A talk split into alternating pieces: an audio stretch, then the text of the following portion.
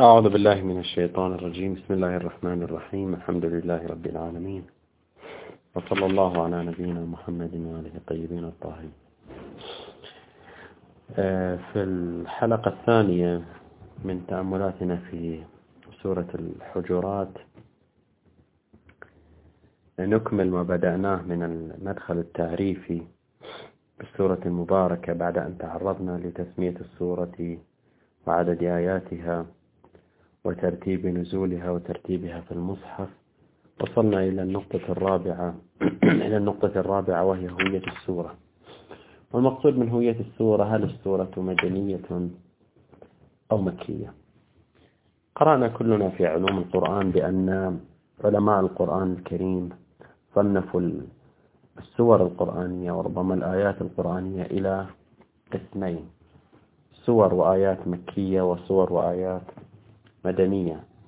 والمعيار في مدنية الآية أو السورة أو مكيتهما يرجع إلى الفترة التي نزلت فيها هذه السورة. هل كانت في العهد المكي من من الدعوة من حياة الدعوة الإسلامية أو في الفترة المدنية من حياة الدعوة الإسلامية؟ بمعنى أن الآية المباركة أو هذه أو السورة. أو أي سورة من سور القرآن الكريم إذا نزلت في فترة كون النبي صلى الله عليه وآله في الفترة المكية قبل أن يهاجر إلى المدينة المنورة فتكون السورة أو الآية مدنية مكية عفوا ولو نزلت الآية أو السورة في الفترة التي هاجر فيها أو بعد هجرة النبي من مكة إلى المدينة فهي سورة وآية مدنية. طبعا قد تنزل السورة مثلا في الطائف قد تنزل السورة في غزو من الغزوات التي آه، يقودها النبي صلى الله عليه وآله. ولكن هذا ليس معيارا. المعيار هو كونها في الفترة المكية أو الفترة المدنية. وهذا أيضا تعرضنا له فيما سبق في العام السابق آه، عند حديثنا حول سورة نوح.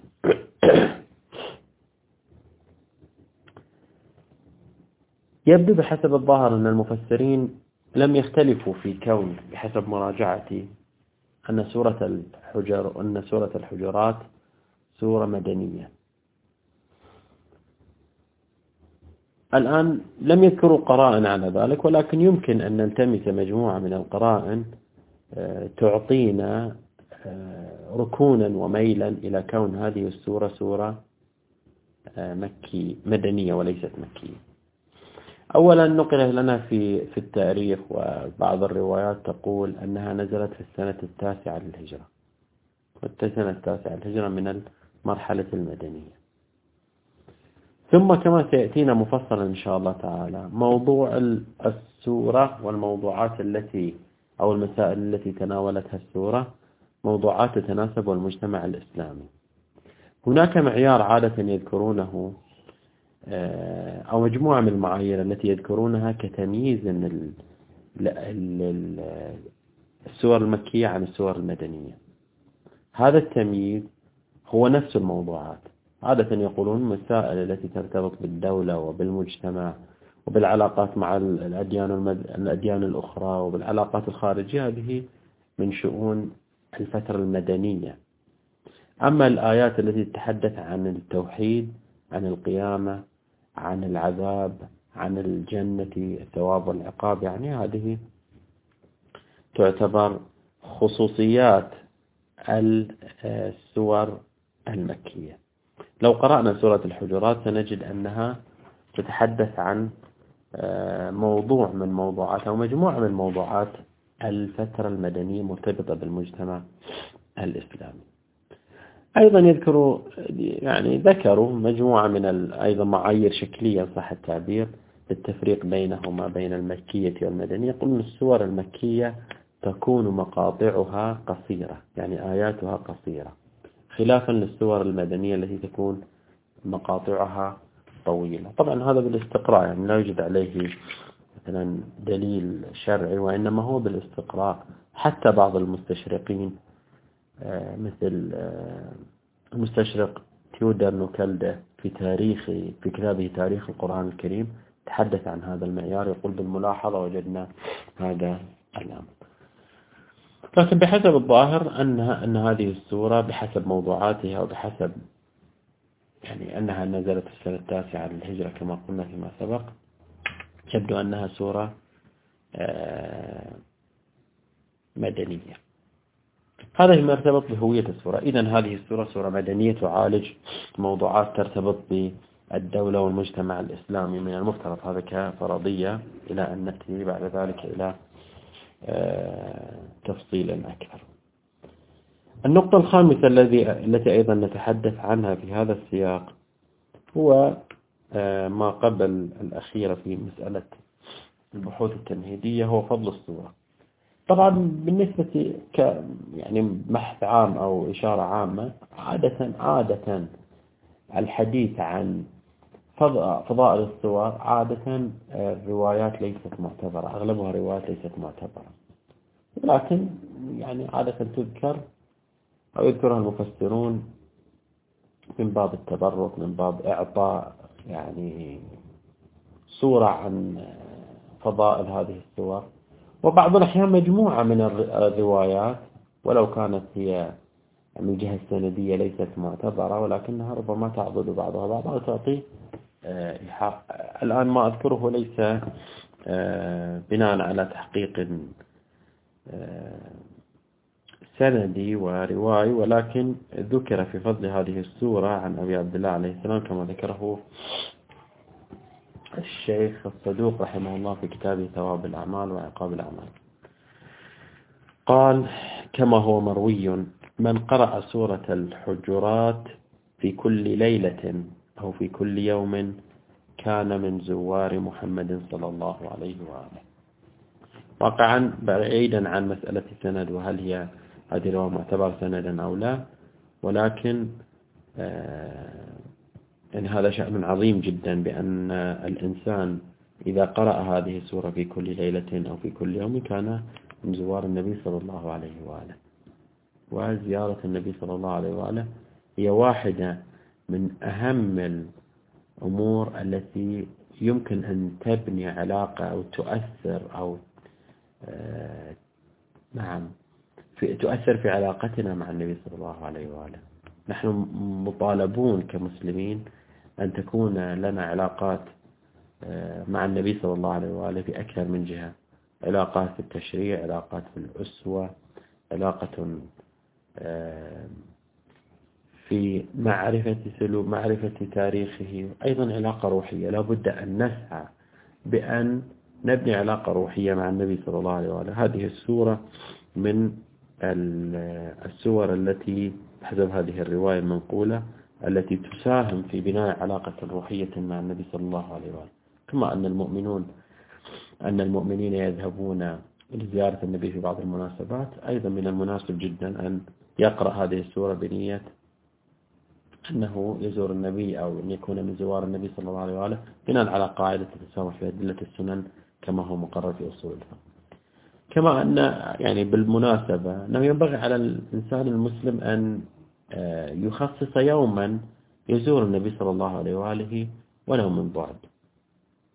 وموجود في كتب الأدعية والزيارات زيارات النبي صلى الله عليه وآله عن بعد. بل حتى الزيارات التي مخصصة لزيارته مباشرة ينبغي أن نحافظ عليها. يعني لا نجعل البعد المسافة بيننا وبينه صلى الله عليه وآله حاجزا. عن زيارته والاتصال به روحيا. يقول الله سبحانه وتعالى ولو أنهم إذ ظلموا أنفسهم إذا ظلمنا أنفسنا وقعنا في شراك المعاصي ولو أنهم إذ ظلموا أنفسهم جاءوك فاستغفروا الله واستغفر لهم الرسول لوجدوا الله توابا رحيما. إذا أصل زيارة النبي صلى الله عليه وسلم كفارة من الذنوب. وما كان الله معذبهم وأنت فيهم وما كان الله معذبهم يستغفرون. كما في لعله لم يكن نص الآية فهو مضمون الآية. إذا أصل زيارة النبي صلى الله عليه وآله خصوصية زيارة النبي بغض النظر عن زيارة الأئمة عليهم السلام خصوصية زيارة النبي صلى الله عليه وآله ينبغي أن لا نغفل عنها. نزور النبي نبني علاقة روحية معه صلى الله عليه وآله.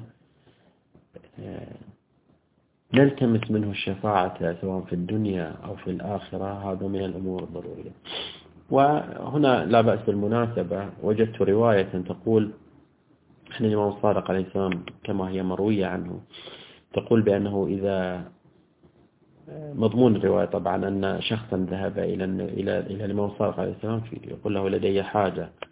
فالإمام يعلم يقول له إذا جاءت أردت حاجة أو طرأت عليك حاجة فافزع إلى نبي الله أو فافزع إلى النبي صلى الله عليه وآله. يعني اذهب له اقصد قبره وصل ركعتين واهدهما له وادعو الله سبحانه وتعالى أن يقضي حاجتك وتقضى حاجتك إن شاء الله تعالى. زيارة النبي لها خصوصية. الآن هذا كله استطراد بمناسبة هذه الرواية المنقولة. لها خصوصية. لا يجوز الصوم في سفر إلا إذا كنت قاصدا زيارة النبي صلى الله عليه وسلم. تنذر أنك إذا زرت النبي صلى الله عليه وآله أنك تصوم ثلاثة أيام أو آه، تصوم مجموعة من الأيام محددة موجودة في كتب الفقهية. ويجوز لك ولو كنت آه، لم تنوي الإقامة ربما أربعة أيام. يجوز لك أن تصوم ثلاثة أيام من هذه الأربعة أيام على تفصيل يمكن الرجوع له في الكتب الفقهية إذا هذا فضل أو من مما نقل في فضل هذه السورة في هذه السورة المباركة وهي آه، كان من زوار محمد صلى الله عليه وآله. هذا الأمر آه، الخامس الذي آه، نذكره في مدخلنا التعريفي. الأمر السادس والأخير والمهم جدا في هذا السياق مرتبط بأغراض هذه السورة نعتقد بأن السور القرآنية سواء كانت هذه السور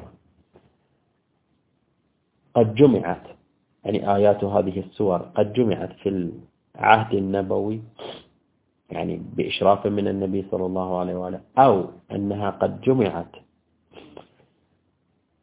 بعد عصر النبي صلى الله عليه وآله بإشراف المعصوم.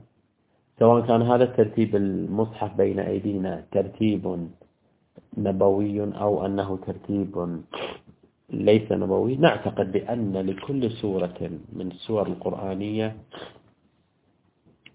غرض معين محور معين أو مجموعة من المحاور.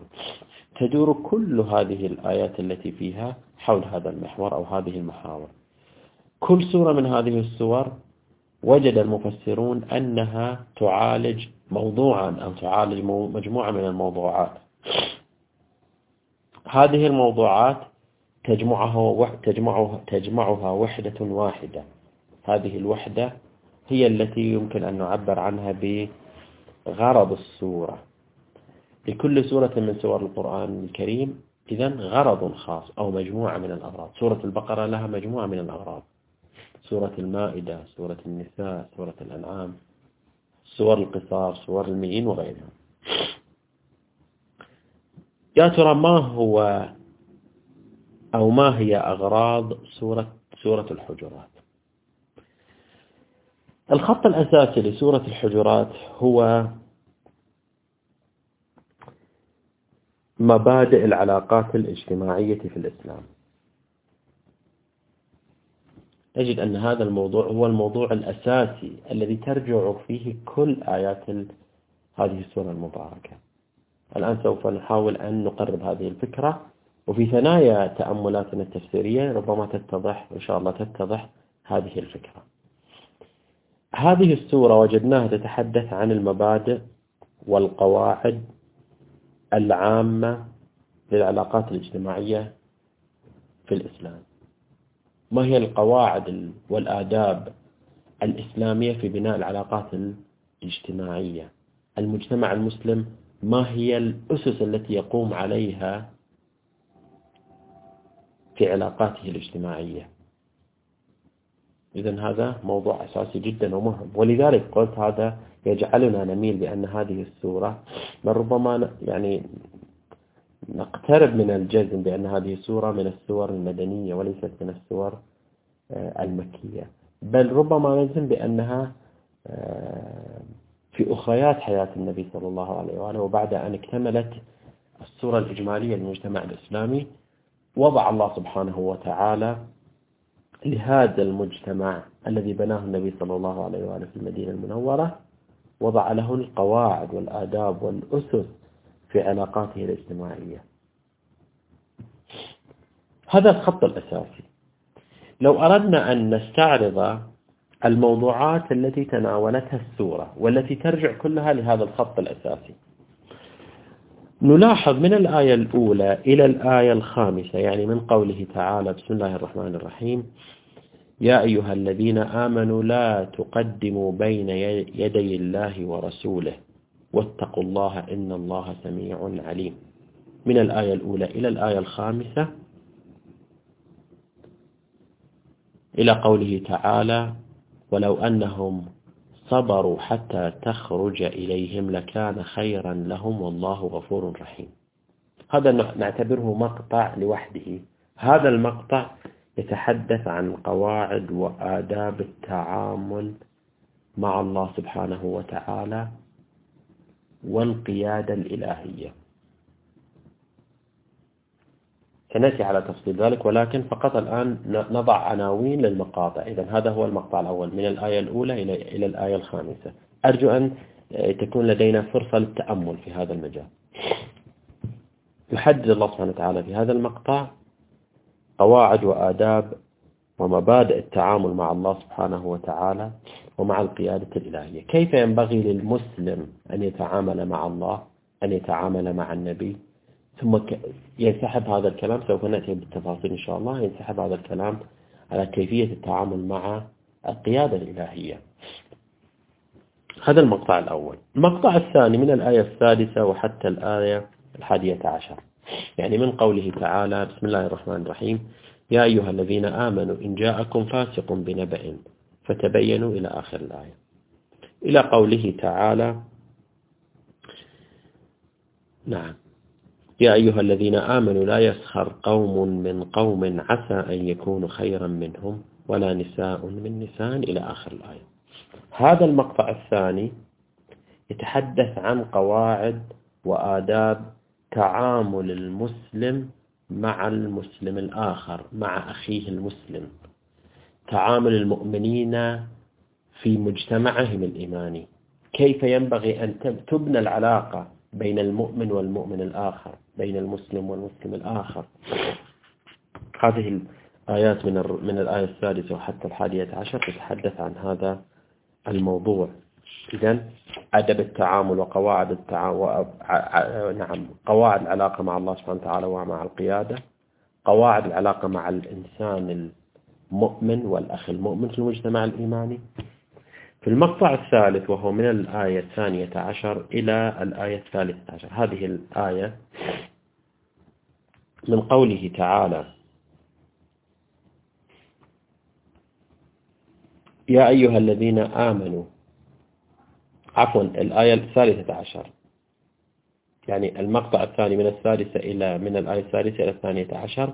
والمقطع الثالث هي الآية الثالثة هي الآية الثالثة عشر ليقول الله سبحانه وتعالى بسم الله الرحمن الرحيم. يا أيها الناس إنا خلقناكم من ذكر وأنثى وجعلناكم شعوبا وقبائل لتعارفوا إن أكرمكم عند الله أتقاكم. هذه تعتبر قاعدة من قواعد تعامل المسلم مع غير المسلم. هذه قاعدة أساسية سنتحدث عنها إن شاء الله بحسب ما يوفقنا الله سبحانه وتعالى. كيف حدد الله سبحانه وتعالى مبادئ العلاقة مع الآخر غير المسلم؟ هل أنفتح عليه؟ لا أنفتح عليه مقدار الانفتاح. طبعا في دائرة هذه السورة لا نتوسع أكثر وإلا هناك آه، سورة المائدة تتحدث عن ذلك سورة براءة تتحدث عن ذلك ولكن نحن نحدد في هذه السورة ما هي القاعدة في هذه السورة؟ إذا نلاحظ فقط من باب يعني ربط الموضوعات مع بعضها. قواعد العلاقة مع الله ومع القيادة. هذا موضوع خاص. ثم يتسع الموضوع علاقة المؤمن بالمؤمن في المجتمع الإيماني. موضوع أوسع. ثم بعد ذلك أو علاقة أوسع. ثم بعد ذلك علاقة أوسع من ذلك. علاقة المؤمن مع غيره غير المؤمن مع المسلم مع غير المسلم بل علاقة الإنسان مع الإنسان الآخر كما سيأتينا إن شاء الله سبحانه وتعالى. من الآية